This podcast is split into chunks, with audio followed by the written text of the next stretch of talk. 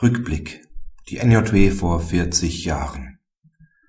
Beginn einer Erneuerung. Die Strafrechtsreform.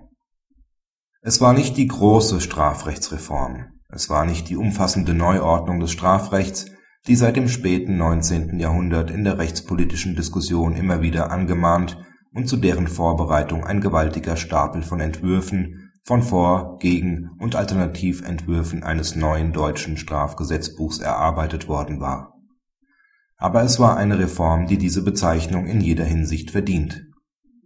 Am 30.06.1969 wurde das erste Strafrechtsreformgesetz verkündet.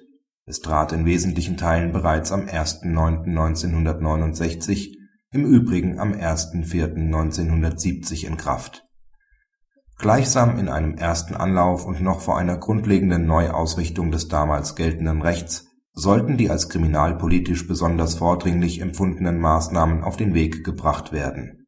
Dazu gehörten unter anderem die Ersetzung von Zuchthaus und Gefängnis durch eine einheitliche Freiheitsstrafe, die Erweiterung der Strafaussetzung zur Bewährung und die Abschaffung von Straftatbeständen, die als nicht mehr zeitgemäß angesehen wurden, aber auch die Ausgestaltung des § 243 StGB als Strafzumessungsnorm mit Regelbeispielen.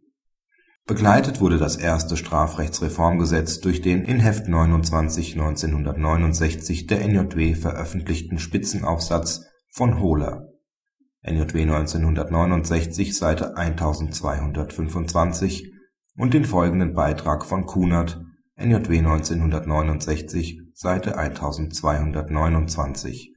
Und die Entwicklung setzte sich fort. Weitere Strafrechtsreform und Änderungsgesetze, jeweils wiederum intensiv von der NJW begleitet, führten in der eigentlichen Reformzeit bis 1975 und in den folgenden Jahren zu einem sich in Etappen vollziehenden Umbau des Kernstrafrechts. Einzelne Reformmaßnahmen der vergangenen vier Jahrzehnte waren und sind durchaus umstritten.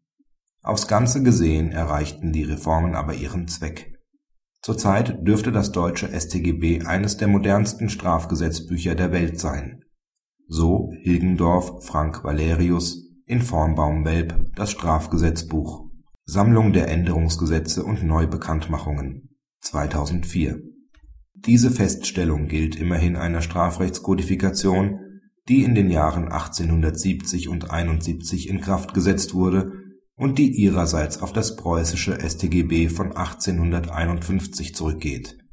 Daraus lässt sich die besondere Qualität des von den Reformern vorgefundenen Materials ebenso schließen wie die besondere Qualität der auf dieser Grundlage unternommenen Reformanstrengungen. Und noch etwas lässt sich schlussfolgern: Die besondere Rolle, die dem StGB im Bündnis für das deutsche Recht zukommen sollte als weiteres attraktives Angebot im internationalen Wettbewerb der Rechtsordnungen. Speziell im angelsächsischen Raum scheint dafür zumindest ein gesteigertes Interesse vorhanden zu sein, wie die dortige Verlags und Medienlandschaft zeigt. Vielleicht ist damit ein weiterer Abschnitt in der Entwicklung des deutschen Strafrechts eröffnet, ganz im Sinne einer ständigen Erneuerung